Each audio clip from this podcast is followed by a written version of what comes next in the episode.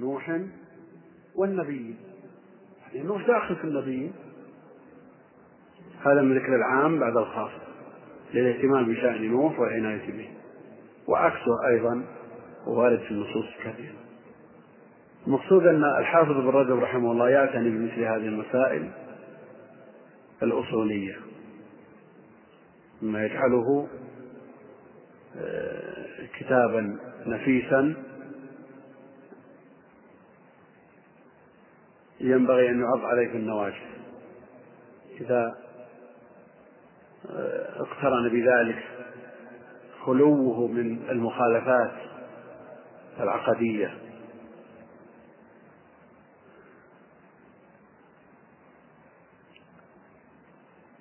استطرد في ذلك قال وهو لا يقصد التخصيص عند الجمهور خلافا لما حكي عن أبي ثور إلا أن يكون له مفهوم فيبنى على تخصيص العموم بالمفهوم. التراب والتربة لقب. واللقب مختلف في ثبوت المفهوم له. لا شك أن مفهوم اللقب لا يحتج به عند جماهير العلماء. لأن القول به له لوازم باطلة. كما هو معروف. الأمثلة على ذلك كثيرة والفوائد لا يمكن حصرها بالنسبة لهذا الكتاب لكن مما يستطرف أنه قال في صفحة 11 في حديث ذكره قال أول من اتخذ الكعب العالي نساء بني إسرائيل يتطولن بها في المساجد. ليس ليس باللفظ لكنه قال ذكر عن أسماء بنت أبي بكر قالت إنما سلطت الحيضة على نساء بني إسرائيل لأنهن كن اتخذن أرجلا من خشب يتطاولن بها في المساجد. فعلى هذا استعمال هذا الكعب العالي سنة بني إسرائيل.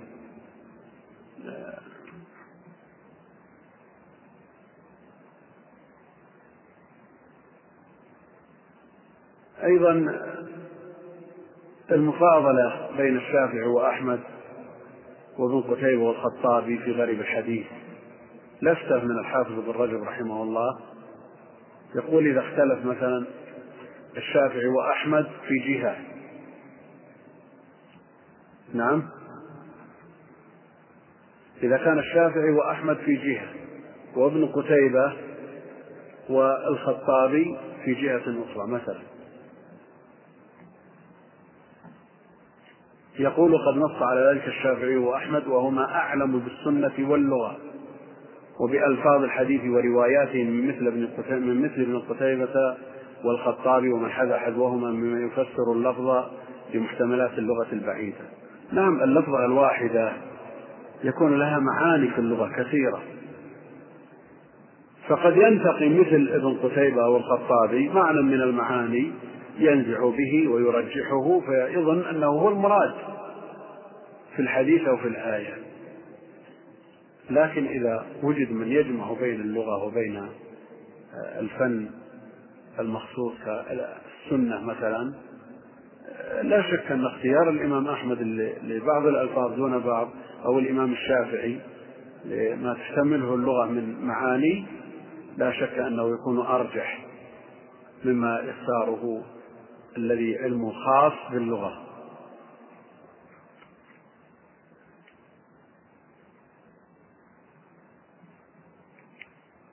محمد بن سلام شيخ الإمام البخاري يقول الصواب بالتشديد معروف عند المصطلح قاطبة أن كل ما جاء في الصحيحين سلام فهو بالتشديد إلا خمسة. فذكروا منهم هذا أنه بالتخفيف. نعم. ذكروا منهم محمد بن سلام بالتخفيف وعبد الله والد عبد الله بن سلام قالوا بالتخفيف ومعهم ثلاثة. لكن ابن رجب رحمه الله تعالى يصوب التشكيل وله فيه مصنف في رسالة خاصة.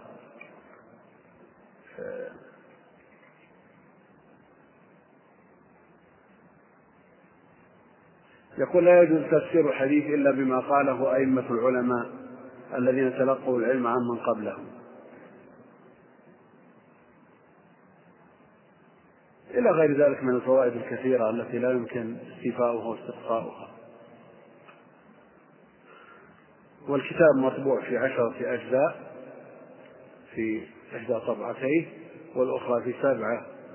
والطبعة الثانية أنا طبعة المجموعة ثمانية أشخاص قاموا تحقيقه طبعة جيدة لا بأس بها. الطبعة الأخرى طبعة طارق عوض الله. أنا ما اطلعت عليها إنما رأيتها لكن لم أعتني بها لسبق هذه. فقرأتها كل هذه وعرفت قيمتها وأنها جيدة في الجملة. وإن كان طارق عوض الله له يد في هذا الشأن وهو من أهل التحري في التحقيق. بعد هذا شرح الكرماني.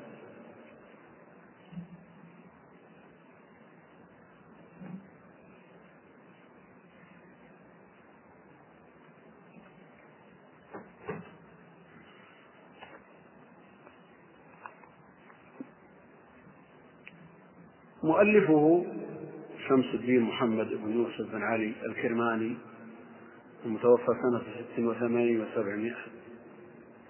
سماه كما نص على ذلك في نهاية المقدمة الكواكب الدراري في شرح صحيح البخاري.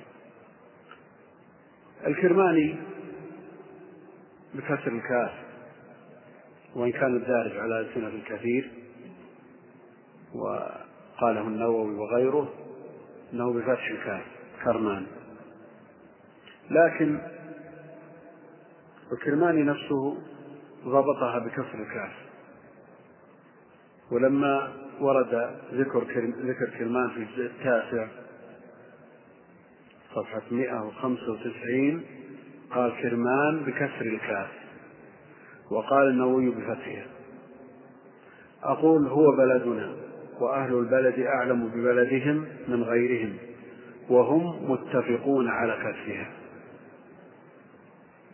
وفي الجزء الرابع والعشرين صفحة 205 قال المشهور عند المحدثين بفتح الكاف لكن أهلها يقولون بالكسر وأهل مكة أدرى بشعابها على كل الشرح شرح الكرماني شرح متوسط. ليس بالطويل مثل فتح الباري وعمدة القاري ولا بمختصر مثل شرح الخطابي. شرح متوسط مشهور بالقول يعني يأتي باللفظة المرة شرحه فيقول قوله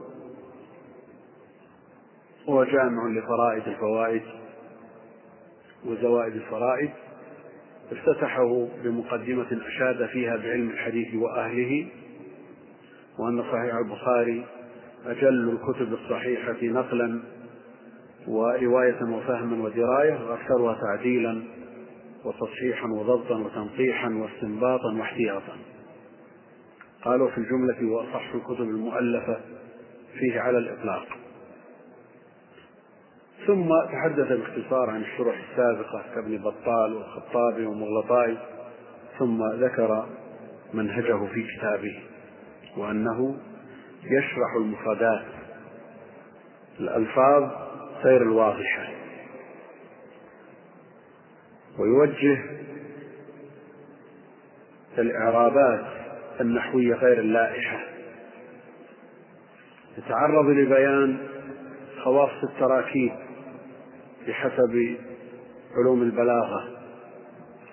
ثم يذكر ما يستفاد وما يتعلق بالحديث من المسائل الكلامية على حد زعمه. ثم يذكر ما يتعلق بأصول الفقه من الخاص والعام والمجمل والمبين وأنواع الأقيسة. ثم يذكر ما يتعلق بالمسائل الفقهية والمباحث الفروعية. ثم يذكر ما يتعلق بالآداب والدقائق. ثم ما يتعلق بعلوم الحديث واصطلاحات المحدثين. ثم يذكر اختلاف النسخ ويرجح بعضها على بعض ثم يتعرض لأسماء الرجال. ثم يوضح الملتبس ويكشف المشتبه ويبين المختلف والمؤتلف من الأسماء والأنساب وغيرها. ثم بعد ذلك يؤلف بين الأحاديث المتعارضة حسب الظاهر ثم يبين مناسبة الأحاديث التي في كل باب ثم بعد ذلك ذكر في المقدمة رواة الصحيح كالسرخسي والكشميهني وأبي ذر الهروي وترجم لهم. ثم ترجم الإمام البخاري ترجمة متوسطة. ثم ختم المقدمة بموضوع علم الحديث وحده وعدد كتب الجامع وأحاديثه.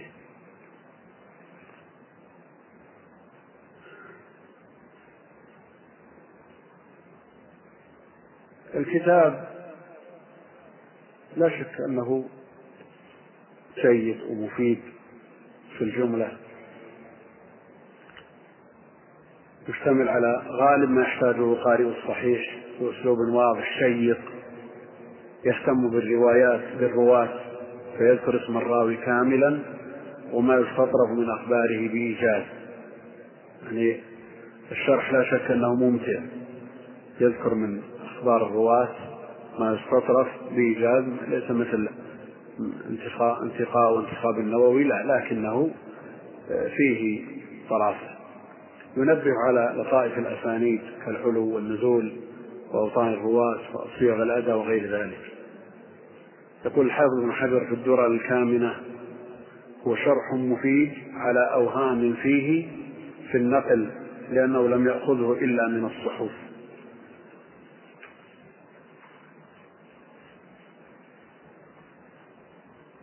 يقول العيني بعد أن تعقب الكرماني في الجزء الأول صفحة 101 قال وهذا إنما نشأ منه لعدم تحريره في النقل واعتماده من هذا الفن على العقل. ولا شك أن الكتاب عمدة لمن جاء بعده من الشراح. لا تكاد تخلو صفحة واحدة من فتح الباري أو عمدة القاري أو إرشاد الساري من نقل عن هذا الكتاب. كتاب عمدة بالنسبة لمن جاء بعد الكرماني.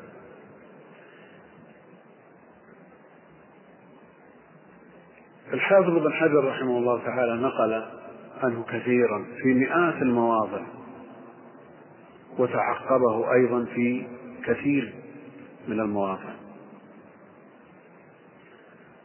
وأوهام الكرماني نبه عليها الحافظ لا سيما ما يتعلق بعلم الحديث وما يتعلق بالصحيح نفسه لكنه لم يتعقبه فيما يتعلق بالعقيدة لأن الحافظ أيضا منتقد في هذا الباب على ما سيأتي.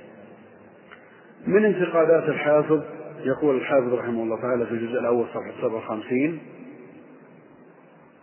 الكرماني كعادته بحسب التجويز العقلي جوز أن يكون تعليقا أو معطوفا على قتادة فيكون شعبة رواه عن حسين عن قتادة إلى غير ذلك مما ينفر عنه من مارس شيئا من علم الإسناد.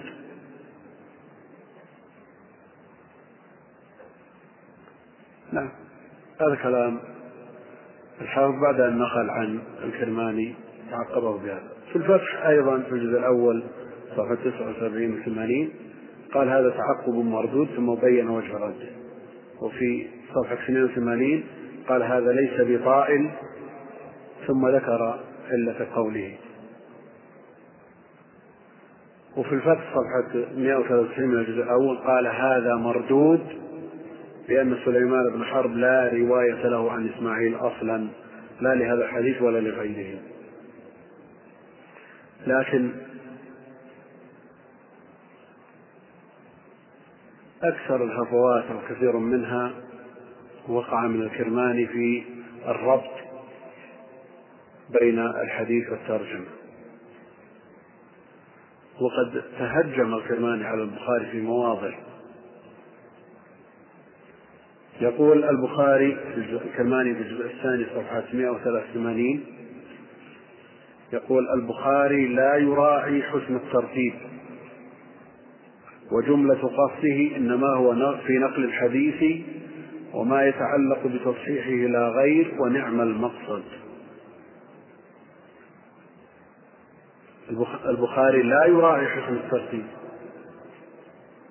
وجملة قصده إنما هو في نقل الحديث وما يتعلق بتصحيحه إلى غير ونعم المقصد. يقول الحافظ ابن حجر رحمه الله تعالى العجب من دعوى الكرماني أن البخاري لا يقصد تحسين الترتيب بين الأبواب مع أنه لا يعرف لأحد من المصنفين على الأبواب من اعتنى بذلك غيره حتى قال جمع من الأئمة فقه البخاري بتراجمه هناك هفوة. من الكرماني قال في الجزء العاشر صفحة 183 يقصد كلام الإمام البخاري رحمه الله تعالى. يقول لا يخفى ما في هذا التركيب من التعجرف.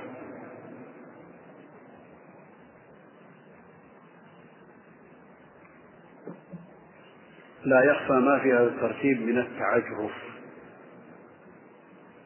يقول الحافظ في الجزء الرابع صفحة 485 التعجرف من عدم فهم المراد. التعجرف من عدم فهم المراد. إذا قصر الفهم ولم يعترف صاحبه بالقصور نشأ عنه مشاكل. حينما يقصر فهم الكرماني عن إدراك الرابط بين الحديث والترجمة يقول لا يحسن ترتيب الأبواب ويقول هذا تعجرف لا. لا شك أن سببه القصور. قد أبدى العلماء من المناسبات ما يبهر العقول وألفت في تراجم البخاري الكتب المستقلة.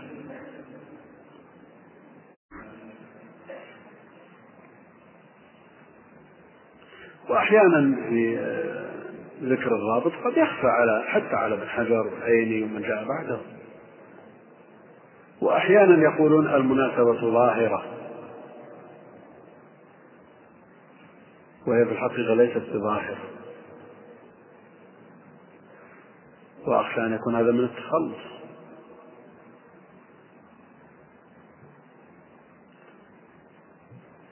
الشارح مع كل ما ذكر من هذه الملاحظات وما قيل قبل ذلك من أن هذا الشرح نفيس ولا يستغنى عنه واعتمد عليه من جاء بعده من الشراح. أيضا الشارح في باب الاعتقاد جرى على طريقة الأشاعرة. ونكب عن طريقة السلف. قال في الحادي عشر صفحة 72 إطلاق الغضب على الله تعالى من باب المجاز إذ المراد لازمه وهو إرادة إيصال العذاب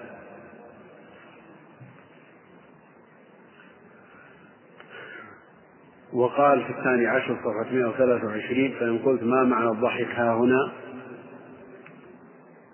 قلت أمثال هذه الألفاظ إذا أطلقت على الله يراد بها لوازمها مجازا ولازم الضحك الرضا. وقال في الجزء 22 صفحة 124 والاعتراف بالصفات السبع التي هي الصفات الوجودية ثم ذكرها. والصفات السبع المراد بها ما يثبته الأشاعرة من صفات الله سبحانه وتعالى وهي العلم والقدرة والإرادة والحياة والكلام والسمع والبصر. أيضا هو في توحيد العبادة عنده شيء من الخلل. يقول في الثاني والعشرين صفحة 149 وقد كنت متشرفا عند شرح هذا الباب بابتداء مجاورة قبره المبارك يعني قبر ابن عباس بالحرم المحرم بوجه الطائف. نقل عن الأشعرية في مواضع مقرا لأقوالهم ففي صفحة 197 من الجزء الأول وصفحة 88 من الجزء الثاني والعشرين. صفحة 106 من الجزء الرابع والعشرين. يقول يجوز أن يرى أعمى الصين بقة الأندلس ولا يرى ما حولها. على كل الكلام في الكتاب كثير جدا. أيضا من الناحية الاصطلاحية قرر أن شرط البخاري في صحيحه أن لا يروي إلا ما رواه اثنان عن اثنين إلى آخره. تابعا في ذلك آه، الحاكم فيما يفهم من كلامه والبيهقي وغيره من العربي أيضا. زعموا أن شرط البخاري أنه لا يقبل رواية الواحد بل لابد من التعدد في الرواية. لكن لا شك أن هذا جهل بالكتاب الذي يشرحه. أول حديث في الصحيح من رواية فرد عن فرد عن فرد إلى آخره في أربع من طبقات حديث الأعمال بالنيات تفرد به عمر رضي الله عنه في روايته عن النبي عليه الصلاة والسلام ثم تفرد به عنه علقمة بن وقاص ثم تفرد به عنه محمد بن إبراهيم التيمي ثم تفرد به عنه يحيى بن سعيد الأنصاري. ومثله آخر حديث في الصحيح حديث كلمتان خفيفتان على اللسان إلى آخره. تفرد به أبو هريرة وعنه أبو زرعة بن عمرو بن جرير آه، البجلي وعنه محمد أو عنه عمارة بن القعقاع وعنه محمد بن فضيل وعن محمد بن فضيل انتشر الحديث. كما أن الحديث الأول انتشر عن يحيى بن سعيد. المقصود أنهما من الغرائب التي لم يروها إلا الواحد عن الواحد. هما كفيلان بالرد على من يزعم أن العدد شرط للصحة مطلقا أو شرط للبخاري في صحيحه. وغير ذلك من المسائل التي يمكن مناقشته فيها ولو ذهبنا نستطرد ونذكر كل ما يوحب على الكتاب لأطال بنا المقام جدا ونقف على فتح الباري للحافظ بن حجر ومعه أيضا عمدة القاري مع ذكر ما بينهما من المناقشات الطويلة والردود ثم نختم الكلام بالنسبة لما يتعلق بصحيح البخاري بإرشاد الساري. آه، غدا إن شاء الله تعالى. والله أعلم وصلى الله وسلم وبارك على نبينا محمد وعلى آله وصحبه أجمعين. بسم الله الرحمن الرحيم. اللهم صل على محمد وعلى آله وصحبه أجمعين. آه، هذا السائل يقول ما المقصود بقولكم بالربط بين الحديث والترجمة؟ نعم. الرابط بين الحديث والترجمة المراد به المناسبة والعلاقة بين الحديث والترجمة. قد تكون آه، الرابط قد يكون الرابط بينهما والعلاقة واضحة. قوله آه، باب قول الرجل ما صلينا. فجاء في الحديث ما وقع في غزوة الخندق من قوله عليه الصلاة والسلام وأنا والله ما صليتها. هذه ظاهرة علاقة ظاهرة لكن مثل باب القسامة في الجاهلية. ثم ذكر تحت هذه الترجمة قصة القصة التي ذكرها عمرو بن ميمون من أن قردة في الجاهلية زنت فاجتمع عليها قردة فرجموها. القسامة في الجاهلية. الرابط لا يكاد يدرك في مثل هذا.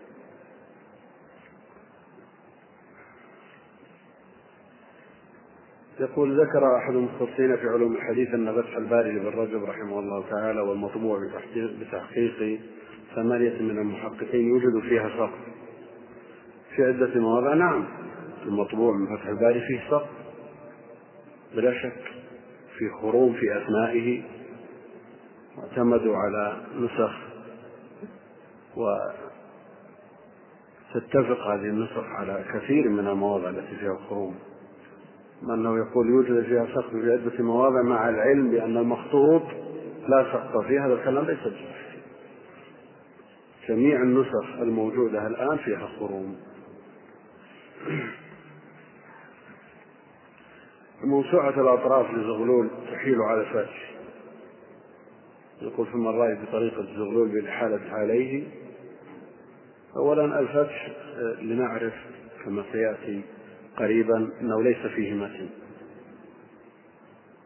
حافظ لم يذكر المتن والمتن المطبوع معه ملفق كما ستأتي الإشارة إليه إن شاء الله تعالى. يقول احتج بعض الإخوة آه، عندما ينصحون بدراسة علم مصطلح الحديث بأنه من علوم الآلة لا من العلوم الأساسية التي يحتاجها الفرد. نعم. ومن الوسائل. من الوسائل التي تخدم هذا العلم العظيم. فالهدف من مصطلح الحديث معرفة المقبول والمردود من السنة. ووسيلة إلى معرفة ما يقبل وما يرد من السنة. فكيف نعرف المقبول لنعمل به والمردود لنجتنبه إلا بواسطة هذا العلم؟ فهو من أهم المهمات يقاربه آه، مصطلح أو قواعد التفسير أو أصول الفقه كذلك كلها تخدم وإن كانت من علوم الآلة ومثلها علوم العربية بفروعها إلا أنها مما يضطر إليه طالب العلم.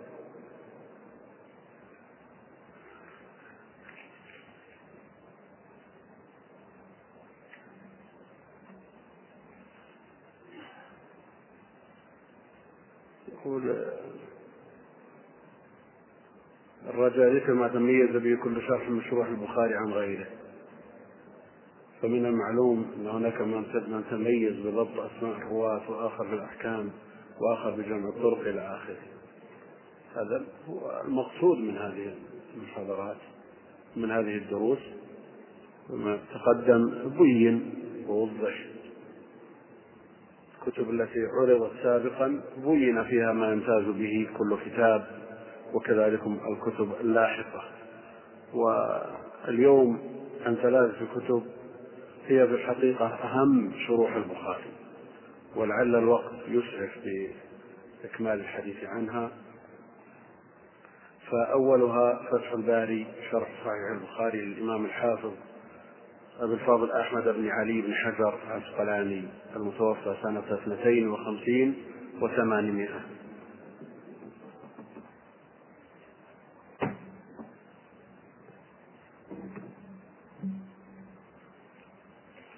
هذا الكتاب هو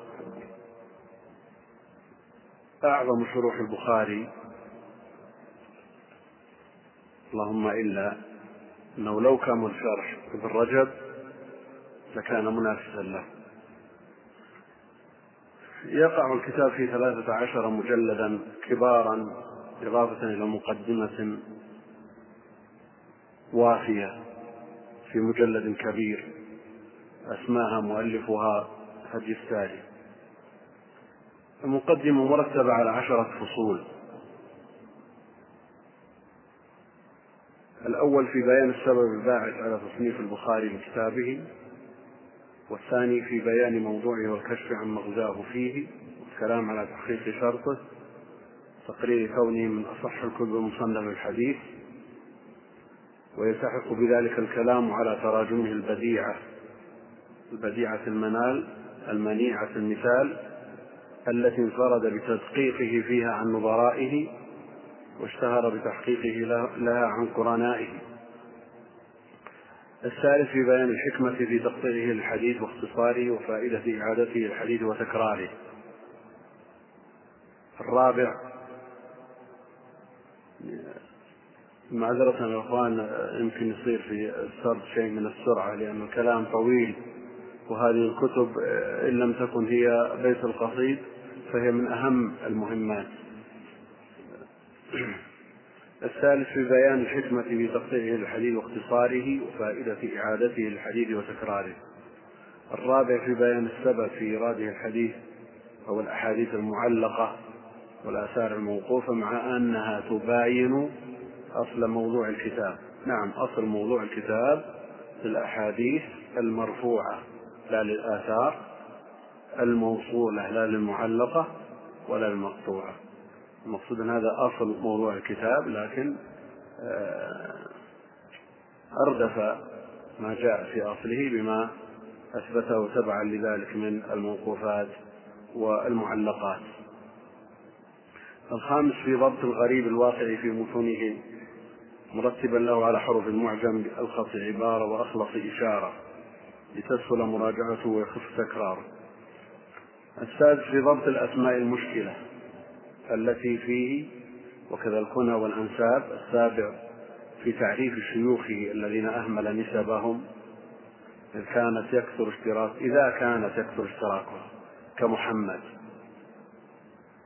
لا من يقل الاشتراك فيه كمسدد وفيه الكلام على جميع ما فيه من مهمل ومبهم على سياق الكتاب مختصرا الثامن في سياق الأحاديث التي انتقدها عليه حافظ عصره أبو الحسن الدار قطني.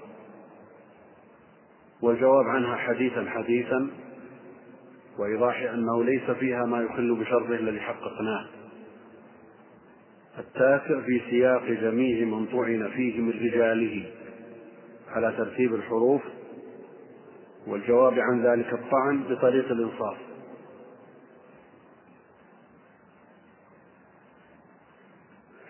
والجواب عن ذلك الطعن بطريق الإنصاف والعدل والاعتذار عن المصنف في التخريج لبعض من يقوى جانب القدح فيه.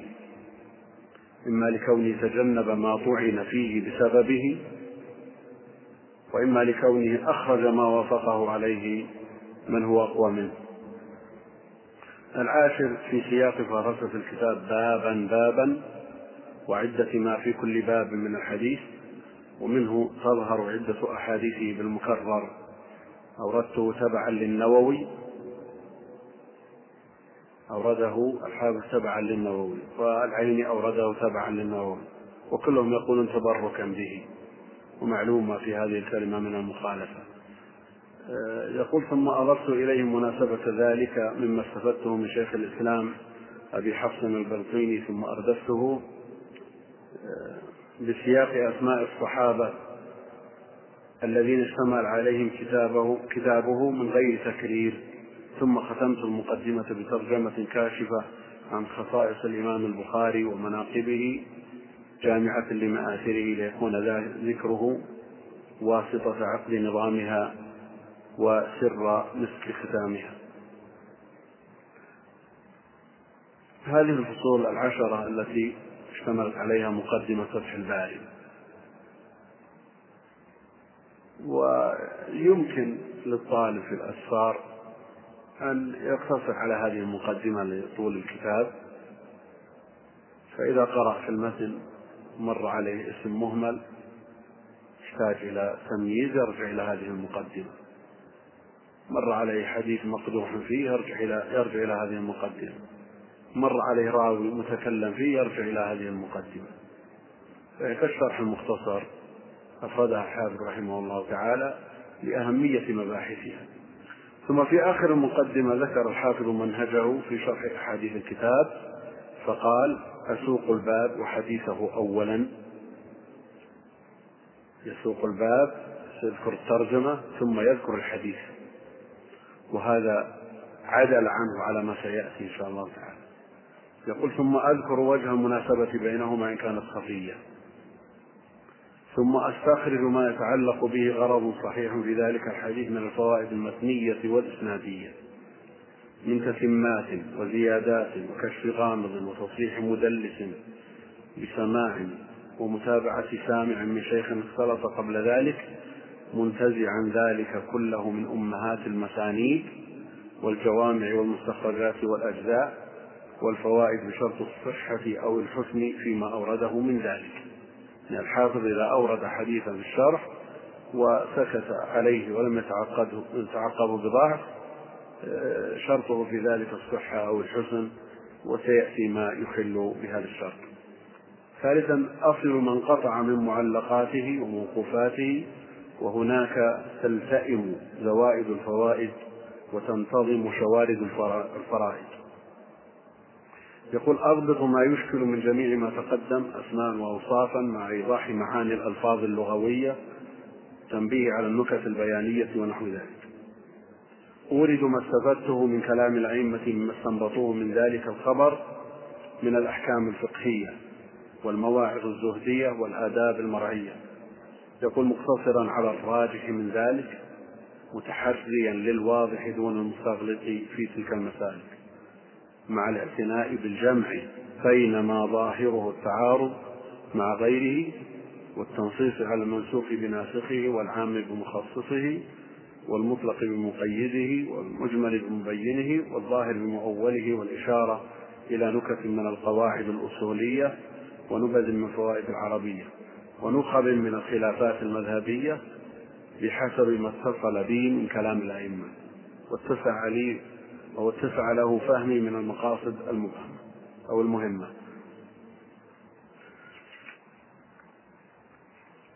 وأراعي في هذا الأسلوب إن شاء الله تعالى في كل باب فإن تكرر المتن في باب بعينه غير باب تقدم نبهت على حكمة التكرار. من غير إعادة له إلا أن يتغاير لفظه أو معناه فأنبه على المواضع المغايرة أو على الموضع المغاير خاصة. فإن تكرر في باب آخر اقتصرت فيه بعد الأول على المناسبة. شارحا لما لم يتقدم له ذكر منبها على الموضع الذي تقدم بسط القول فيه. يقول فإن كانت الدلالة لا تظهر في الباب المقدم إلا على بعد غيرت هذا الاصطلاح. بالاقتصار في الأول على المناسبة وفي الثاني على سياق الأساليب المتعاقبة مراعيا في جميعها مصلحة الاختصار دون الهذر والإكثار. والله أسأل أن يمن علي بالعون على إكماله بكرمه ومنه.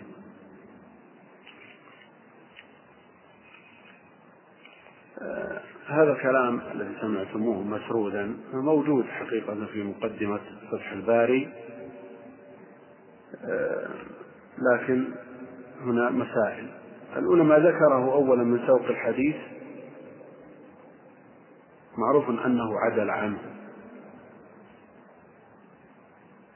قد قال في مقدمة المجلد الأول صفحة خمسة يقول وقد كنت عزمت على أن أسوق حديث الباب بلفظه قبل شرحه.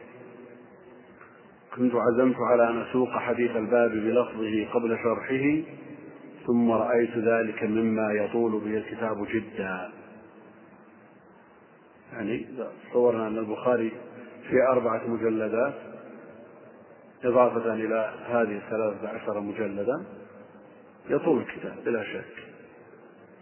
لهذا البخاري رحمه الله تعالى أخلى الكتاب من المتن. وإنما يشرح الحديث مباشرة. قوله باب كذا يشرح الترجمة ثم قوله يشرح الحديث لفظة لفظة. الذي رقم الكتاب وخدمه وطبعه جزاهم الله خير اجتهدوا في التعليق على صفحة خمسة قال المعلق محمد فؤاد عبد الباقي قال ونحن قد حققنا ذلك في هذه الطبعة. فسقنا حديث الباب بلفظه قبل شرحه ليكون ذلك أعون على فهم الشرح والإلمام بمراميه. أولا الحافظ رحمه الله عن قصد حدث الأحاديث. فإدخال الأحاديث في الكتاب في صلب الكتاب لا شك أنه تصرف. تصرف في الكتاب وزيادة في الكتاب قصد المؤلف حذفه. فهذا التصرف لا ينبغي. نعم. لو جعلوه في حاشية في أعلى الصفحة وفصلوا بينه وبين الشرح بخط لا بأس. يقول ونحن قد حققنا ذلك. هي لو كانت أمنية للحافظ تقول حققنا هذه الأمنية لكن الحافظ عدل عنها عنها قصدا. وليس الحافظ حققها بنفسه. لسلمنا من كثير من الاعتراضات الواردة على المتن الموجود في الشرح الذي تصرف الطابع وأدخله فيه.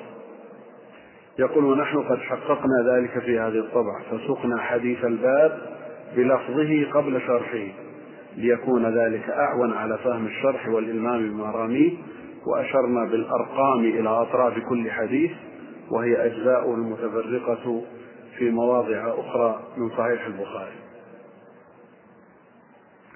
أقول وليس هو تصرف على خلاف مراد المؤلف. انتقى من روايات الصحيح ما اعتمده الحافظ في شرحه وهي رواية أبي ذر الهرم. المتن المطبوع مع فتح الباري متن ملفق من روايات متعددة. لا يوافق رواية واحدة من الروايات. ليس هؤلاء الذين تصرفوا وأدخلوا الكتاب في هذا الشرح العظيم. انتقوا من الروايات ما يناسب الشرح. ولذا يوجد في المتن المقحم من الألفاظ ما لا يوجد في الشرح.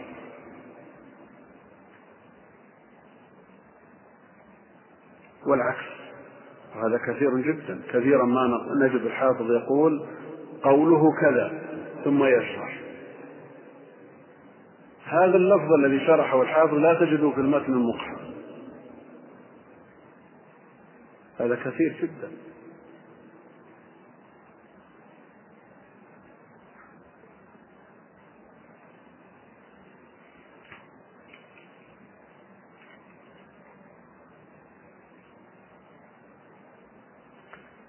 هنا نقل عن القسطلاني بالنسبة لفتح الباري يقول شهرته وانفراده بما اشتمل عليه من الفوائد الحديثية والنكات الأدبية الفوائد الفقهية تغني عن وصفه. لا سيما وقد امتاز بجمع طرق الحديث التي ربما يتبين من بعضها ترجيح أحد الاحتمالات شرحا وإعرابا.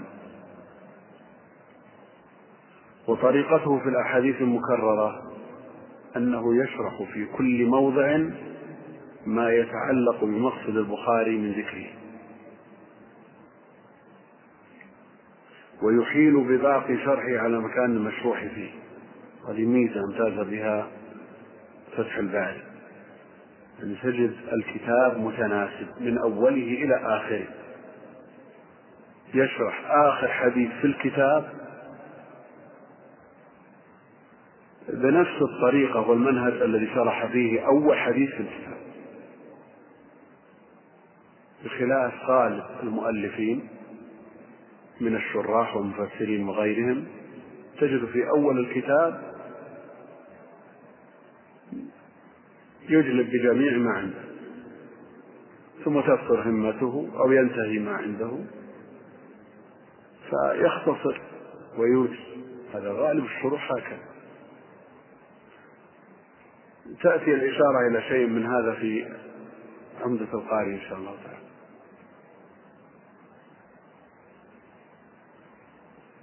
كان الحافظ رحمه الله تعالى يتمنى ويود لو تتبع الإحالات التي تقع له فيه لأن الكتاب طويل والكتاب من كان تأليفه فيما يقارب ربع قرن لطوله تحريره وتنقيحه. مكث فيه أكثر من ربع قرن. أنهاه في خمسة وعشرين سنة لكنه ما زال يحرر وينصح ويضيف إلى وفاته رحمه الله. بعض الإحالات يحصل فيها ما لا يوجد في موضعه. تجد الحافظ يقول وسنتكلم على هذا الحديث أو تأتي الإشارة إلى كذا في موضع كذا ثم تأتي. يحيل مرة ثانية تأتي الإحالة وهكذا. كتاب بحر محيط كتاب كبير جدا. لا يبعد أن أن يقع فيه مثل هذه الأشياء لكن الحافظ تمنى وود أن لو استتبعت هذه الحوالات يقول فإن لم يكن المحال به مذكورا أو ذكر في مكان آخر غير المحال عليه ليقع إصلاحه فما فعل ذلك. والكمال لله سبحانه وتعالى. يقول وكذا ربما يقع له ترجيح أحد الأوجه في الإعراب أو غيره من الاحتمالات أو الأقوال في موضع ثم يرجح موضع آخر غيره إلى غير ذلك مما لا طعن عليه بسببه بل هذا أمر لا ينفك عنه كثير من الأئمة المعتمدين يدل على أن الحافظ مستمر في البحث لم يقف اجتهاده عند حد تغير الاجتهاد عند أهل العلم معروف. حرر له في مسألة ما في وقت ما ثم يتبين له في وقت آخر غيره. المقصود أن تغير الاجتهاد أمر معروف عند أهل العلم ولذا تجد من الحافظ في أوائل الكتاب أو في مواضع من الكتاب يرجح شيء ثم يعدل عنه في مواضع أخرى.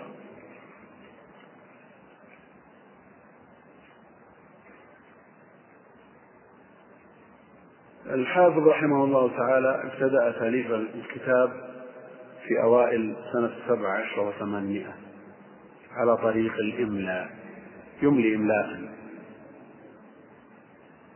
يمليه إملاء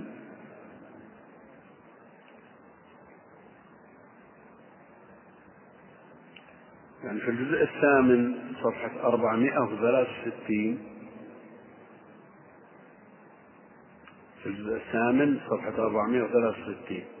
يقول وقد كنت أمليت في أوائل كتاب الوضوء أن قصة الإفك وقعت قبل نزول الحجاب. وقد كنت أمليت. يدل على أن الكتاب ألف بطريق الإملاء.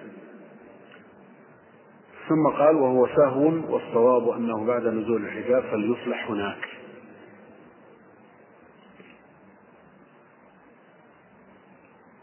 ابتدأ الحافظ رحمه الله تعالى تأليف الكتاب في أوائل سنة سبع عشر وثمانمائة على طريق الإملاء بعد أن كملت مقدمته في مجلد ضخم في سنة ثلاث عشرة وثمانمائة.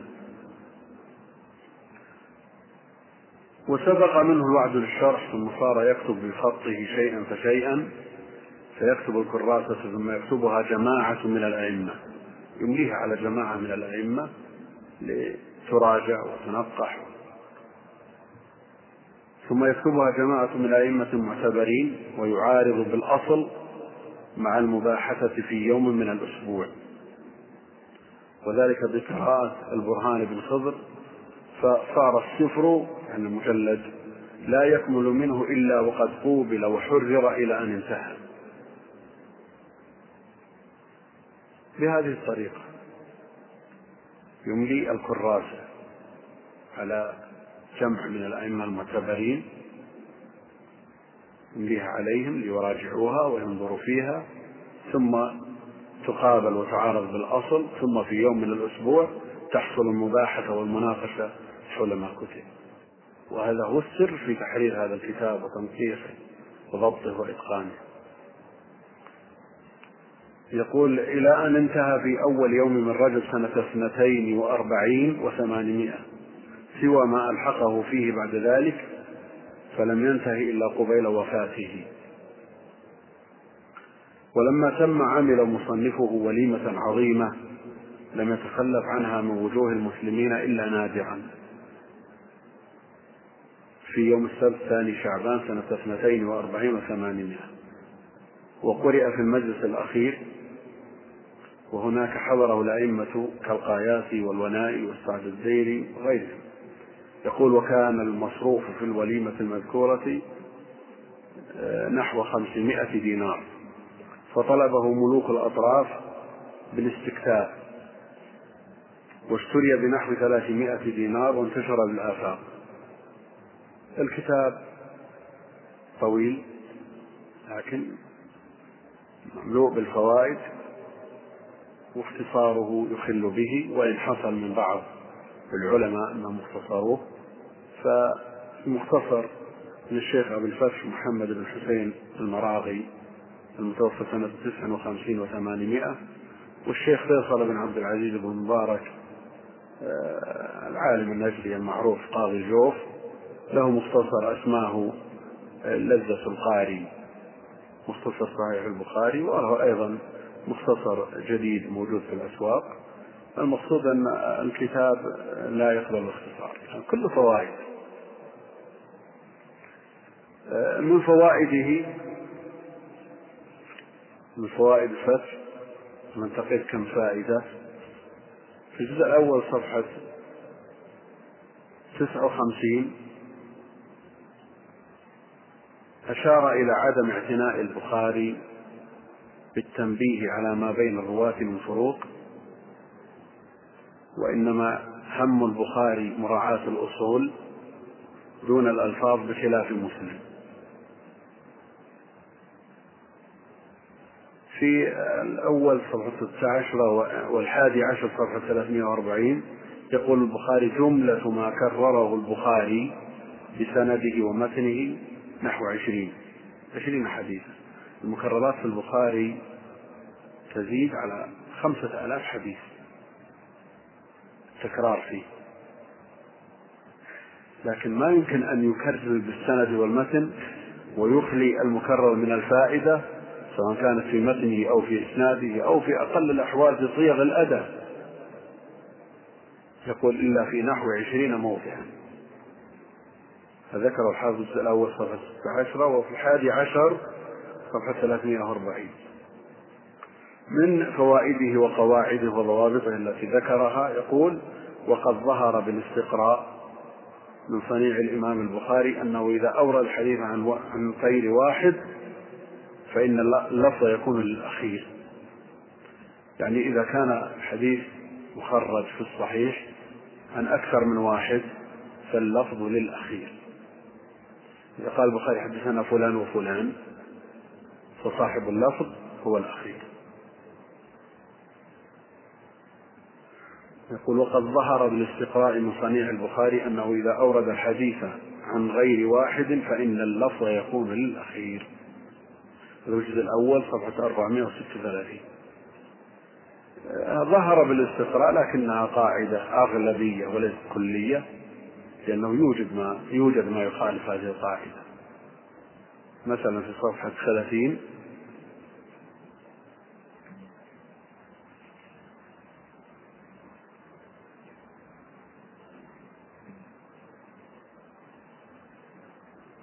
يقول أخبرنا يونس ومعمر. أخبرنا يونس ومعمر. من صاحب اللفظ؟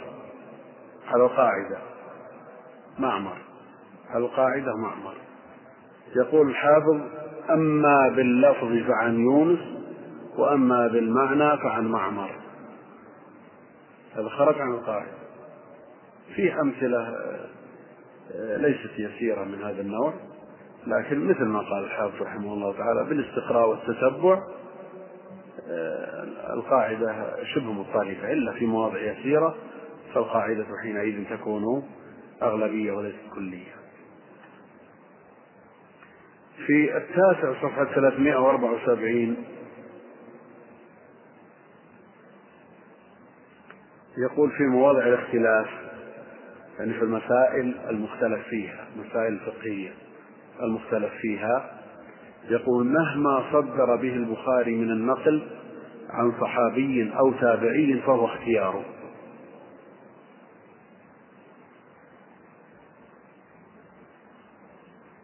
إذا أردت أن تستخرج فقه البخاري واختياراته.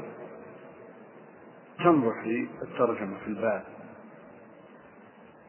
إذا صدر البخاري الترجمة بقول واحد إما بحديث أو بقول واحد من الصحابة أو من التابعين فهو اختياره يقول في مواضع الاختلاف مهما صدر به البخاري من النقل عن صحابي أو تابعي فهو اختياره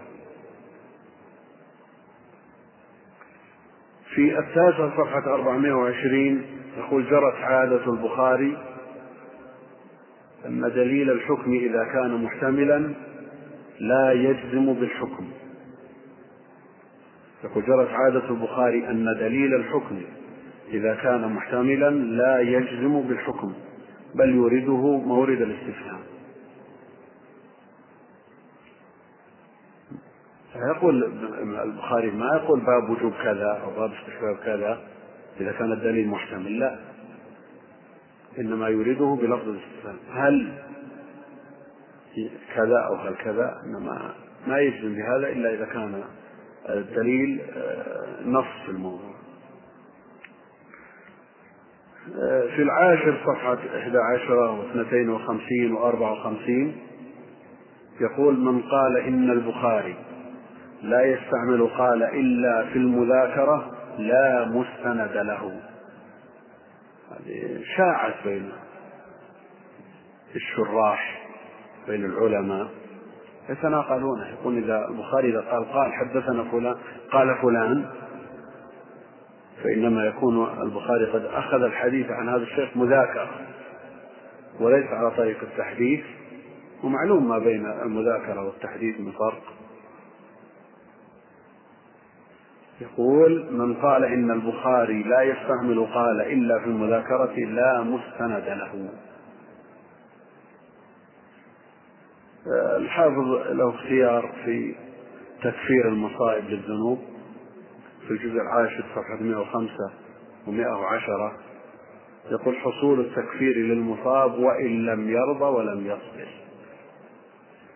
هذه من الغرائب لكن يرى أن التكفير بمجرد المصيبة والرضا والصبر أجره قدر زائد على ذلك وهذا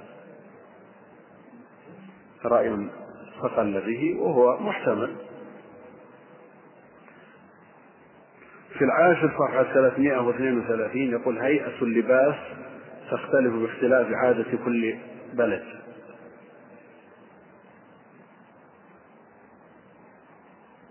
في الحادي عشر صفحة 209 يقول لا يشترط في الذاكر استحضار معناه. يعني لو كان الذكر يعني على غفلة اعتاد الإنسان في أذكاره في الصباح والمساء وفي غيرها الذكر يجري على اللسان يقول لا يشترط استحضار معناه ولكن يشترط ألا يقصد به غير معناه.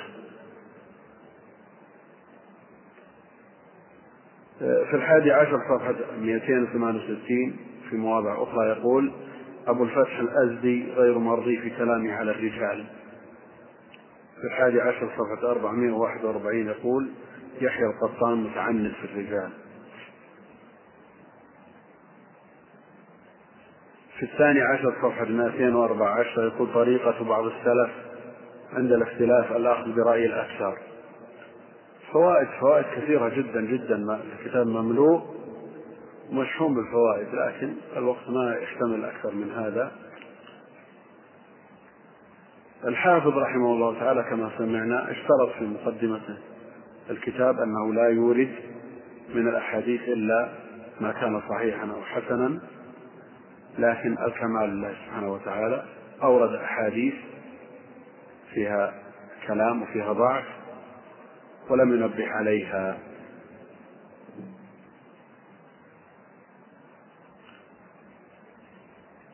في المقدم في الجزء الأول صفحة 307 يقول عند أحمد من طريق أخرى عن المغيرة أن الماء الذي توضأ به يعني النبي عليه الصلاة والسلام أخذه المغيرة من أعرابية صبت له من قربة كانت جلد ميتة وأن النبي صلى الله عليه وسلم قال له سلها فإن كانت دبغتها فهو طهور حديث في المسند في الرابع 254 وهو ضعيف وإن لم يتعقبه الحافظ ففيه أكثر من راوي ضعيف. آه، في آه، صفحة 67 من الجزء الأول قال عن حديث في إسناد عمرو بن شعيب عن أبيه عن جده رجاله ثقات. وحال عمرو بن شعيب معروف عند أهل العلم لا سيما عند الحافظ يرى أنه صدوق ومع ذلك يقول رجاله ثقات. آه، في الجزء الثالث صفحة 489 يقول روى الإمام أحمد بإسناد حسن عن أبي الزبير عن جابر قال كنا نطوف ونمسح الركن الفاتحة والخاتمة والحديث بالمسند وفي إسناده باللهيعة. وقد نص الحافظ الفتح في الجزء الأول صفحة 23 على ضعفه. هذا نص نص على ضعف باللهيعة ويقول بإسناد حسن. في مسائل الاعتقاد منهجه مضطرب الحافظ منهجه في العقيدة ليس على طريقة واحدة. إنما هو نقال في هذا الباب ينقل أقوال السلف والأئمة المقتدين بهم ممن يثبت لله سبحانه وتعالى ما أثبته لنفسه وينقل آه، أقوال الخلف من المخالفين لعقيدة السلف ولا يتعقب شيء من ذلك. وفي صفحة 145 من الجزء السادس و632 من الجزء الثامن و444 من الجزء الحادي عشر. أول صفة العجب في عجب الله سبحانه وتعالى من قوم أو عجب الله سبحانه وتعالى من قوم. أول ذلك بالرضا يعني على طريقة الخطاب وغيره. مما تقدم ذكره على كل هذا خلل في الكتاب. يعني لو مر على الكتاب كله وعلق على هذه المسائل التي خالف فيها كان جيدا.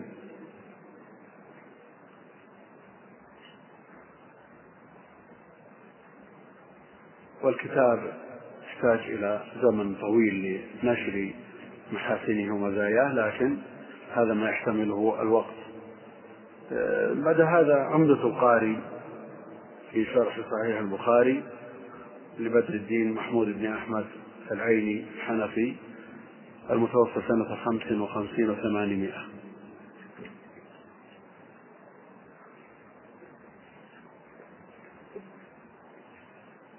نعم. يسأل عن طبعة أفضل الطبعات بالنسبة لفتح الباري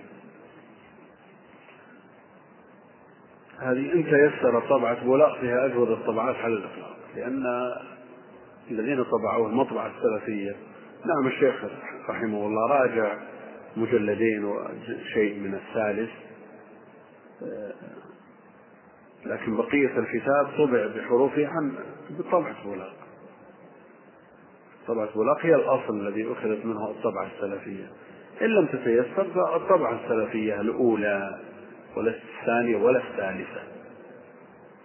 الطبعة الثانية فيها أسقاط كثيرة وأوهام.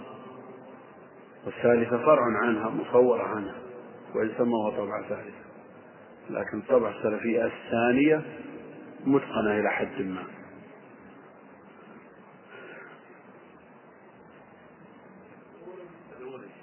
إيش؟ الأولى نعم لا لا لا الأولى الأولى الثانية لا شيء.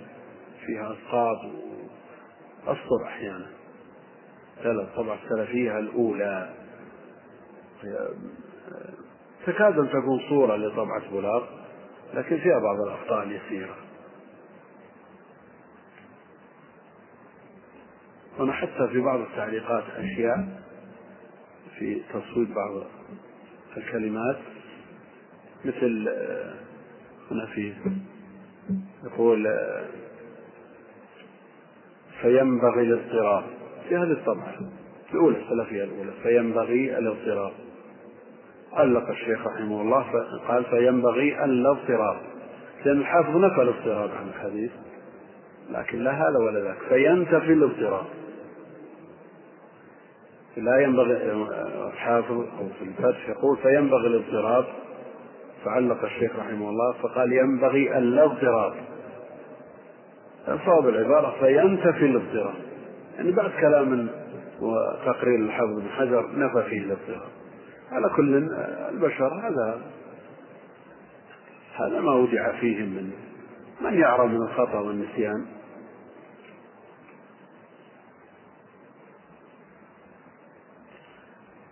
عمدة القاري لبدر الدين العيني شرع في تأليفه مؤلفه كما قال القسطلاني في أواخر سنة 21 و800 وفرغ منه في آخر الثلث الأول من ليلة السبت خامس شهر جمادى الأولى سنة سبع وأربعين وثمانمائة. يعني بدأ بعد الحافظ بأربع سنوات وفرغ بعده بخمس سنوات. ذكر في مقدمته أنه لما رحل إلى البلاد الشمالية قبل الثمانمائة مستصحبا صحيح البخاري لنشر فضله عند ذوي الألباب. ظفر هناك من بعض مشايخه بغرائب النوادر مما يتعلق باستخراج ما في الصحيح من الكنوز. ثم لما عاد إلى الديار المصرية ندبه إلى شرح الكتاب أمور. الأول يقول أن يعلم أن في الزوايا خبايا وأن العلم من منايح, من منايح الله عز وجل ومن أفضل العطايا. الثاني إظهار ما منحه الله من فضله الغزير وإقداره إياه على أخذ شيء من علمه الكثير. يقول والشكر مما يزيد النعمة ومن الشكر إظهار العلم للأمة. الثالث كثرة دعاء بعض الأصحاب للتصدي لشرح الكتاب. يقول أنه طلب منه بإلحاح أن يتصدى لشرح الكتاب. ثم أجاب هذه الدعوة فشرح الكتاب. افتتح الكتاب مقدمة مختصرة مقدمة لا تعد عشر صفحات. قريبة جدا من مقدمة النووي. افتتح المقدمة بذكر أسانيده إلى الإمام البخاري ثم فوائد اسم الصحيح وسبب تأليفه وترجيح الصحيح على غيره في شرطه عدد الأحاديث المسندة في صحيح البخاري في فهرس أبواب البخاري مع عدد أحاديث كل كتاب آه، طبقات شيوخ البخاري من تكلم فيه من رجال الصحيح. الفرق بين الاعتبار والمتابعة والشاهد ضبط الأسماء المتكررة معلقات الصحيح. ثم عرف بموضوع علم الحديث ومبادئه ومسائله. موضوع علم الحديث ومبادئه أخذها من شرح الكرماني. ولذا وقع فيما وقع فيه الكرماني. قال موضوع علم الحديث ذات رسول الله صلى الله عليه وسلم. ذات رسول الله صلى الله عليه وسلم. هذا الكرماني قاله قبل ثم العين من بعده ولذا يقول السيوطي في مقدمة التدريب ما زال شيخنا محي الدين الكافيجي يتعجب من قول الكرماني أن موضوع علم الحج ذات الرسول عليه الصلاة والسلام. يقول لأن ذاته موضوع علم الطب وليس موضوع علم الحديث. نعم ذاته بدنه شخصه. المقصود أن التقليد يوقع في مثل هذا. كل هذا المسائل التي ذكرها آه، لا تزيد على عشر صفحات. نعم المباحث التي أودعها الحافظ في مقدمته موجودة في ثنايا هذا الكتاب. كل مبحث في موضعه وإن كان ليس بصورة جلية وواضح كما فعل الحافظ. رحمه الله تعالى. شرع بعد ذلك في شرح الكتاب على ترتيب جميل منظم يشوق القارئ يبدأ أولا بمناسبة الحديث للترجمة ثم يتحدث عن رجال رواة الحديث ثم في ضبط أسماء الرجال ثم الأنساب يعنون عناوين. مناسبة الحديث. للترجمة. ثم إذا انتهى قال رواة الحديث ثم ضبط أسماء الرجال ثم ضبط الأنساب ثم يذكر فوائد تتعلق بالرجال ثم لطائف الإسناد. قد يوجد مثل هذه في فتح الباري لكنها غير معنونة. ثم يبين نوع الحديث إن كان الحديث متميزا بنوع خاص من العزة والغرابة أو التواتر يقول نوع الحديث. ثم يذكر مواضع الحديث من صحيح البخاري. ثم يذكر من أخرجه من أخرج الحديث غير البخاري. ثم يبين اختلاف لفظه في المواضع. ثم تقول بيان اللغة. عنوان. ثم بعد ذلك بيان الإعراب. ثم بيان بيان المعاني. عناوين هذه. بيان البيان بيان البديع. ثم بعد ذلك نقول الأسئلة والأجوبة. يورد إشكالات في الحديث في الحديث ثم يجيب عنها. ثم سبب الحديث إن كان له سبب. ثم استنباط الأحكام. وفي كل ذلك يطيل ويغرب في النقول والردود والمناقشات. ينقل من الشراح وينقض أقوالهم. المقصود أن الشرح منظم ومرتب لو كان على وتيرة واحدة. لكنه في هذا الترتيب وهذا التنظيم آه، في أوائله لأنه اعتمد على أشياء انقطعت فانقطع معها على ما سيأتي ذكره. ينقل ممن سبقه من الشراح كالخطابي والكرماني وابن بطال والنووي وغيرهم وينقل كثيرا من فتح الباري. أحيانا ينقل المقطع الكبير من فتح الباري ويبهم المؤلف يقول قال بعضهم ولا يسمي لا يسمي ابن حجر وإن كان ينقل منه واستفاد منه كثيرا ثم بعد ذلك يتعقبه كثيرا. يقول القسطلاني واستمد فيه من فتح الباري يقول كان فيما قيل يستعيره من البرهان بن خضر بإذن مصنفه. الذي يفرغ القدر الذي يفرغ منه الحافظ يستعيره العيني من البرهان بن خضر بإذن ابن حجر. ما في بأس أن يطلع على الكلام ويناقش ويرد عليه ما في شيء. لأن قصد الجميع الوصول إلى الحقيقة بإذن مصنفه وتعقبه في مواضع وطوله بما تعمد الحافظ ابن حجر في الفتح حذفه من سياق الحديث بتمامه وإفراد كل من تراجم الرواة بالكلام وبيان الأنساب واللغات والإعراب والمعاني والبيان واستنباط الفرائد من الحديث والأسئلة والأجوبة إلى غير ذلك. يقول وقد حكي أن بعض الفضلاء ذكر الحافظ بن حجر ترجيح شرح العيني بما اشتمل عليه من البديع وغيره فقال بديهة هذا شيء نقله من شرح لركن الدين يعني أحمد بن محمد القريمي هذا له شرح البخاري قطعة شرح أوائل البخاري. وجد فيها مثل هذا التركيب وهذا التنظيم والكلام على الحديث من حيث آه، اللغة والإعرابات والبيان والمعاني والبديع إلى غير ذلك. يقول هذا شيء نقله من شرح لركن الدين وكنت يقول الحافظ وقد وقفت عليه قبله ولكن تركت النقل عنه لكونه لم يتم. لكونه لم يتم. إنما كتب منه قطعة وخشيت من تعبي بعد فراغها في الاسترسال يقول إن أردت الاستمرار في هذا الترتيب شك أنه متعب. متعب جدا. استرسال في بيان ما في كل حديث من هذه المباحث متعب. يقول وخشيت من تعبي بعد فراغها في الاسترسال في هذا المهيع ولذا لم يتكلم البدر العيني بعد تلك القطعة بشيء من ذلك. هذا الترتيب البديع الذي مشى عليه شيء يسير بالنسبة لعمدة القاري مشى فيه قرابة جزئين من الخمسة والعشرين.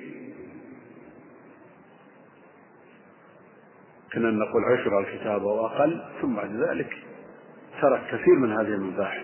نعم مشى على الترتيب يمشي على تراجم الرواة والرابط والاستنباط والأسئلة والأجوبة لكن ما يتعلق بغرائب اللغة من النقول وما يتعلق به من البيان والبديع وغير ذلك.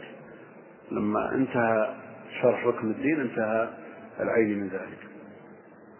ولا شك أن شرح العين شرح موسع ومطول شرح حافل لا سيما في ثلثه الأول. والسبب في ذلك أنه لم يفرغ شرح الأحاديث على المواضع المتعددة ويتحدث عن كل حديث في الموضع المناسب له. لا. أجلب بكل ما عنده في أول الكتاب. ثم في النهاية اختصر جدا.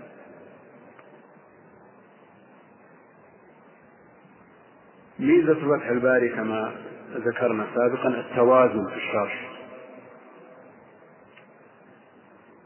حيث شرح آخر حديث في الكتاب بنفس المنهج والطريقة التي سار عليها في أوله. ثم بعد ذلك العيني كما هو معروف حنفي المذهب. حنفي المذهب يتعصب لمذهبه. وهذا ما يحط من قيمة الكتاب. ومن حجر وإن كان شافعيا إلا أنه قد يخرج عن مذهبه لموافقة الحديث على أن المخالفة بين الكتاب المشروح أحاديث الكتاب المشروح وبين مذهب الشافعي كبيرة. بينهما تقارب كبير ولذا لا يظهر التعصب بالنسبة لمن شرح الكتاب حينما يكون شافعيا أو يكون حنبليا مثلا. لكن حينما يكون الشارح حنفي وكثير من الكتاب من أحاديث الكتاب تخالف مذهبه الفجوة كبيرة بخلاف الهوة التي بين الأحاديث التي في الصحيح وبين مذهب الحنابلة مثلا أو مذهب الشافعية. آه، آه، الكرماني وابن حجر في مواضع ذكروا أن البخاري إذا قال قال بعض الناس فمراده الحنفية. هذا يدل على أن فيه اختلاف كبير بين الإمام البخاري وبين مذهب أبي حنيفة رحمه الله تعالى. نعم. كلام الكرماني 24 66 وفتح الباري 12 320 وغيرهم. يقولون إذا قال البخاري بعض الناس مراده الحنفية.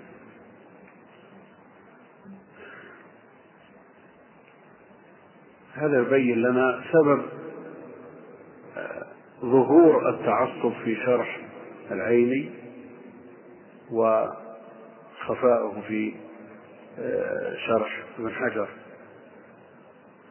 الأمر ينبغي أن يتنبه له. العيني يحمل النصوص على غير مراد مؤلفها فرق كبير بين ما يراه البخاري واختياراته وبين مذهب أبي حنيفة رحمه الله تعالى.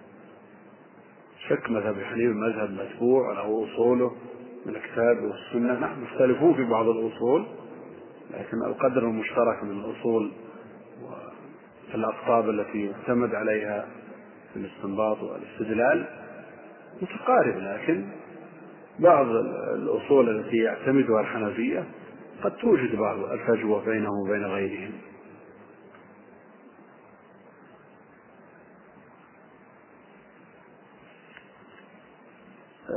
العيني يقصد في نقوله عن الحافظ ولا يسميه يبهمه قال بعضهم قال بعض الشراح زعم زعم بعضهم ثم يتعقبون في مواطن كثيرة جدا.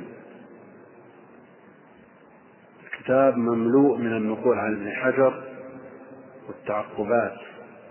والاستدراكات عليه. أجاب الحافظ بن حجر عن هذه الاعتراضات وهذه الانتقادات في كتاب أسماه انتقاض الاعتراض. انتقاض الاعتراض.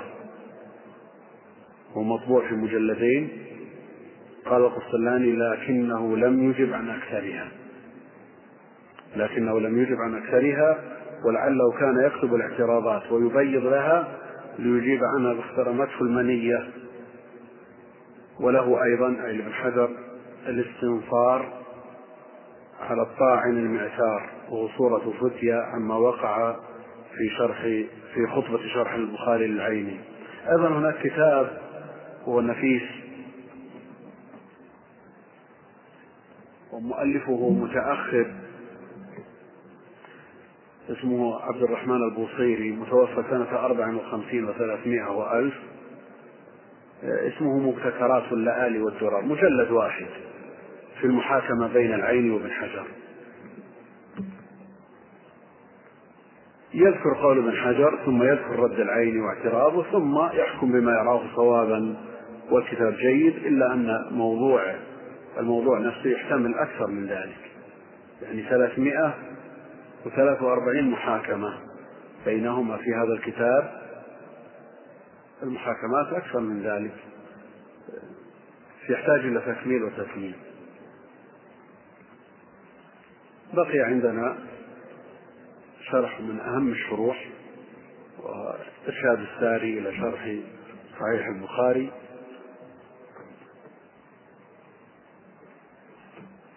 مؤلفه أحمد بن محمد بن أبي بكر. شهاب الدين القصلاني الشافعي المتوفى سنة 23 وتسعمائة. شرح كبير ممزوج يعني شرح تحليلي في عشرة مجلدات كبار. افتتحه رحمه الله بمقدمة تتضمن فصولا. الفصل الأول في فضيلة أهل الحديث وشرفهم في القديم والحديث. الفصل الثاني في ذكر أول من دون الحديث والسنن ومن تلاه في ذلك ثالثا أحسن السنن. الفصل الثالث في ذكر نبذة لطيفة جامعة لفرائد فوائد مصطلح الحديث عند أهله وتقسيم أنواعه. الفصل الرابع فيما يتعلق بالبخاري وصحيحه من تقرير شرطه وتحريره وضبطه وترجيحه على غيره. الفصل الخامس في ذكر نسب البخاري ونسبته ومولده. وبدء أمره ونشأته وطلبه العلم. ثم بعد ذلك ذكر رواة الجامع الصحيح. رواة الجامع الصحيح. وهو مرجع حقيقة في ذكر الرواة وضبطهم وتشعب رواياتهم. ثم ذكر شروح الجامع الصحيح. من منهج الصلاني رحمه الله في كتابه هذا؟ العناية بتراجم الرواة. وضبط أسمائهم وكناهم وأنسابهم باختصار. ما يفعل مثل ما يفعل غير من إطالة كالعين وغيره أو النووي لا كل هذا الاختصار ويكرر ذلك في كل موضع. نعم الاختصار يزيد كلما زاد التكرار لكنه يهتم بهذا يعتني بذلك عناية فائقة. ولذا الذي يقرأ هذا الشرح لن ينتهي منه حتى يتقن آه، الرواة إتقانا لا مزيد عليه. فينصح بقراءة هذا الكتاب. ثانيا العناية بذكر فروق الروايات بدقة معتمدا في ذلك على اليونيني فلا يترك فرقا إلا ويشير إليه سواء كان ذلك في الأسانيد وصيغ الأداء أو المتون. آه، وسواء كان الفرق مما يترتب عليه فائدة أم لا. ثالثا يشرح الغريب من الألفاظ فالكاتب فالكتاب حقيقته شرح تحليلي. يعني يمكن أن يستغنى به عن غيره ولا يستغنى بغيره عنه. يعني قد يعيذك شرح كلمة أردتها من شرح العيني أو شرح آه، ابن حجر لكن آه، لا يمكن أن يعيذك شيء. قد تتطلب مزيد إيضاح لكن لا بد أن يتكلم عليها لأنه اعتمد تحليل كل كلمة. آه، يذكر في ثنايا الشرح ما في الكلمة من اختلاف من حيث المعنى والإعراب. وغير ذلك يعنى بالتوفيق بين الأحاديث المتعارضة باختصار يعنى بالاستنباط من الأحاديث وذكر المذاهب من غير إطالة يخرج الحديث من المصادر المعتمدة في نهاية الشرح ويذكر مواضع الحديث من الصحيح يعنى بذكر لطائف الإسناد يعتمد في كثير من بحوثه على الشروح السابقة كالكرماني والعيني وابن حجر فهو ملخص لهذه الكتب. هو فيه جمع لهذه الكتب لا سيما الشرحين الكبيرين العيني وابن حجر. خلاصة لهذين الشرحين. المذهب في مسائل العقيدة التأويل غالبا على طريقة المتأخرين من الأشاعرة في صفحة 96 قال والذي نفسي بيده أي بقدرته أو هو من المتشابه المفوض علمه إلى الله والأول أعلم والثاني أسلم.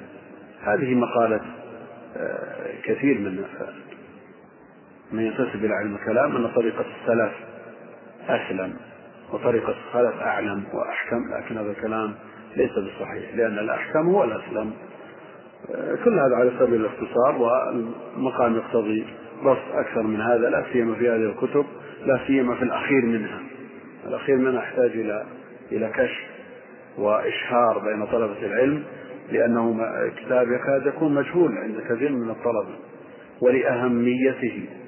طبع الكتاب أضعاف مضاعفة عما طبع غيره. لأن يعني الكتاب طبع في بلاغ سبع مرات بينما العين ما طبع ولا مرة في بلاغ. فتح الباري طبع مرة واحدة لكن الشهاد الساري طبع سبع مرات وفي الميمنية طبع مرتين وغير ذلك من الطبعات طبعات كثيرة لهذا الكتاب لأهميته. ومثل ما ذكرت المقام يحتمل أطول من ذلك لكن ضيق الوقت يجعلنا نختصر هذا الاختصار الشديد. وصلى الله وسلم وبارك على نبينا محمد وعلى آله وصحبه أجمعين. بسم الله الرحمن الرحيم. الحمد لله رب العالمين وصلى الله وسلم وبارك على نبينا محمد وعلى آله وصحبه أجمعين.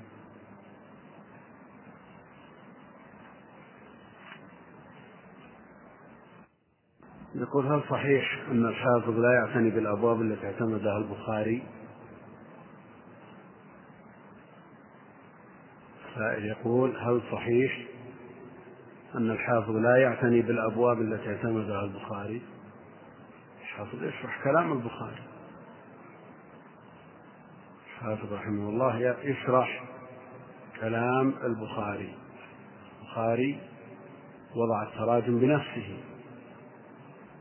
فليس للحافظ أن يغير أو يعدل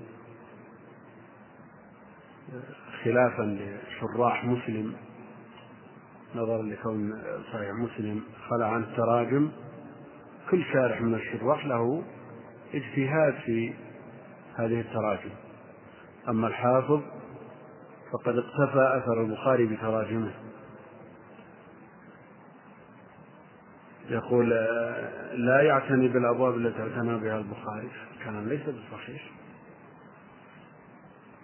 نعم قد يوجد في المتن المطبوع مع الفتح كما نبهنا بالأمس ترجمة هي غير موجودة في الرواية التي اعتمدها الحافظ أو العكس يوجد في الرواية التي اعتمدها الحافظ ترجمة لا توجد في الطبعة التي أقحمها طابع الكتاب. ويمكن من هذه الحيثية يوجد اختلاف بين المتن المطبوع مع الفتح وبين الفتح نفسه.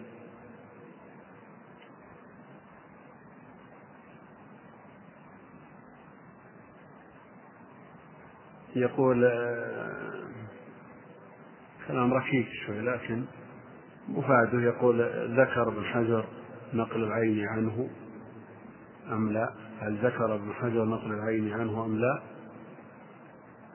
أي هل علم ابن حجر أن بدر العين ينقل عنه؟ نعم. نعم. عيني ينقل عن ابن حجر على علم منه فكان يستعير الكتاب كل ما صدر منه مجلد استعاره من البرهان بن خضر برضا الحافظ رحمه الله تعالى واطلع الحافظ رحمه الله على انتقادات العيني وأجاب عنها في كتاب سماه انتقاض الاعتراض وأحضرناه بالأمس تكلمنا عنه. يقول ما هي الطريقة المناسبة في قراءة فتح الباري؟ شرح صحيح البخاري.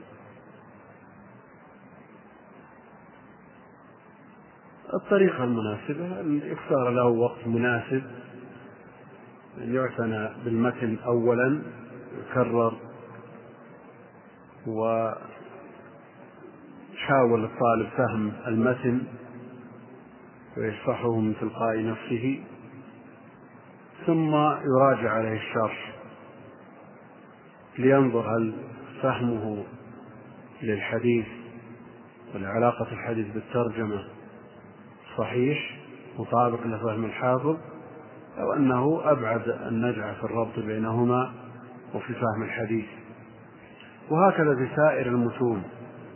ينبغي أن يعتني الطالب أولا بالمتون فيحفظها إن كانت مما, مما يستحق الحفظ ثم يحاول أن يفهم هذا المتن ويشرح المتن ويعلق عليه من تلقاء نفسه ثم يراجع عليه الشروح لينظر مدى مطابقة فهمه لفهم أهل العلم.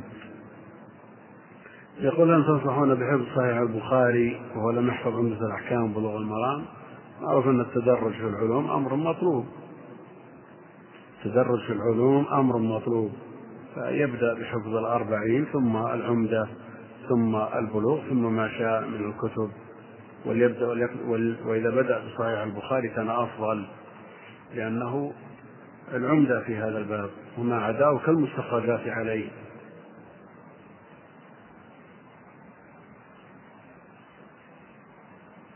يقول هناك كتاب لأحد مشايخ الهند عن إحالات ابن حجر في الفتح. ذكر لكن لكنه لم يستوعب. طبع في من تحفة القارئ أو ما أشبه ذلك مجلدا لطيف لكنه لم يستوعب. هو كتاب جيد في الجملة إلا أنه مثل ما ذكرت. يقول ما هي المتون التي ينصح بها طالب العلم المبتدئ؟ وكذلك ما هي أهم الشروح المختصرة التي يستفيد منها طالب العلم المبتدئ؟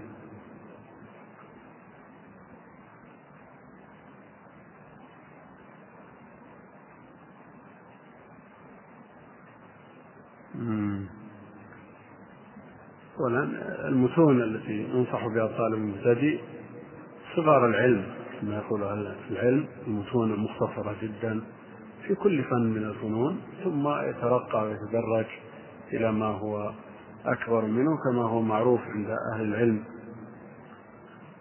يقول ذكرت بالأمس أن كتاب آه، الكرماني بالراء نعم وكسر الكاف. كتاب جيد وممتع ولكن ذكرت عن منهجه ومنهج الأشاعرة. هل من توجيه حول ذلك؟ نعم يستفاد من الكتاب فيما يفيده فيما يعتني به. ولو آه، اقتصرنا على الكتب السالمة الخالية من جميع الملاحظات ما صفى لنا إلا الشيء اليسير. في كتب التفاسير أو شروح الحديث. نعم يصفو لنا تفسير الطبري تفسير البغوي تفسير ابن كثير لكن بقية الكتب لا تسلم إلا في القليل النادر. الشروح أيضا إن صفى لنا شرح بالرجل ما صفى لنا غيره. كلها فيها ملاحظات ويأتي في شروح مسلم آه، بيان ذلك وتقريره. يقول لو ذكرتم أي طبعة لصحيح البخاري توافق شرح الحافظ بن حجر البدر. الرواية الموافقة لشرح الحجر هي رواية أبي ذر أبي ذر الهروي لأن الحافظ اعتمدها وأشار إلى ما سواها عند الحاجة. والرواية هذه لم تطبع بكاملها الآن لكن آه، طبعة بولاق التي اعتنى بها وبإثبات فروقها الحافظ اليونيني مناسبة إلى حد كبير يعني مع ما في حواشيها.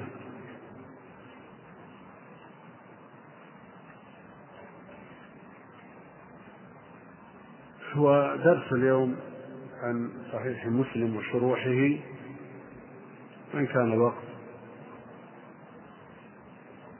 لا يفي ولا يكفي لأنه لا بد أن ننهي ما يتعلق بصحيح مسلم اليوم. في الغد؟ نعم.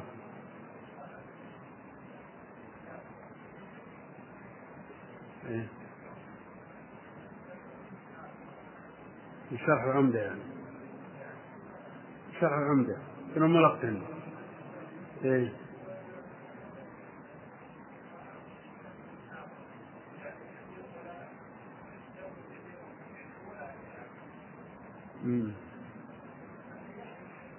يحصل يحصل كثيرا. وابن الملقن لهم شرح البخاري يعني.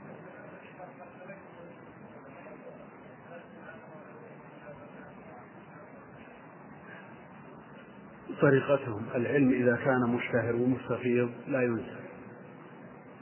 المسائل كما ذكر النووي وغيره أن المسائل المشتهرة المستفيضة وإن نقلت عن شخص لا تنسى لأن العلم ليس بملك أحد. نعم ما يستغرب من الكلام وما ينتقى من من أبكار الأفكار ينسب لقائله. حافظ مشحون بالعزو.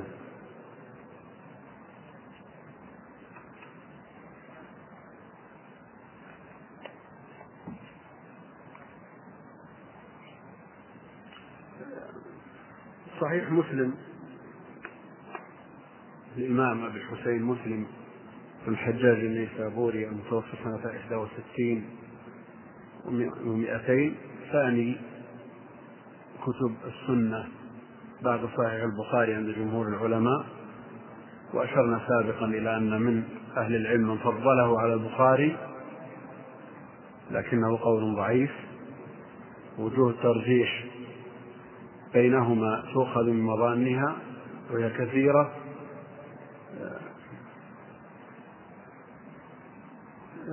إن كان وجه التفضيل كما قال بعض المغاربة أنه ليس فيه بعد الخطبة إلا الحديث السرد فهذا صحيح. ليس فيه بعد الخطبة إلا الحديث السرد يعني ما فيه آه، معلقات إلا نادرا. معلقاته أربعة عشر حديثا. حذف الواسطة بينه, بينه وبين راويها.